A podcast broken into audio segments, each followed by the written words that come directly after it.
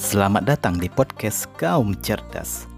Tanpa dipungkiri lagi, semua orang dapat mengakses internet dan mencari informasi tentang apa pun. Dan terkadang, layanan informasi tersebut memberikan suguhan konten yang menyesatkan kita. Kaum cerdas merupakan gerakan yang mengajak kita semua untuk tetap berpikir cerdas dalam segala kondisi.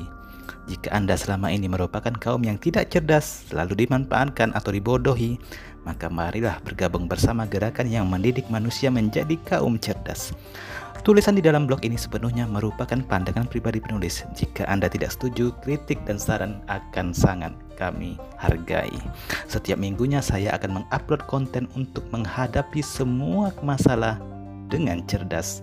Salam cerdas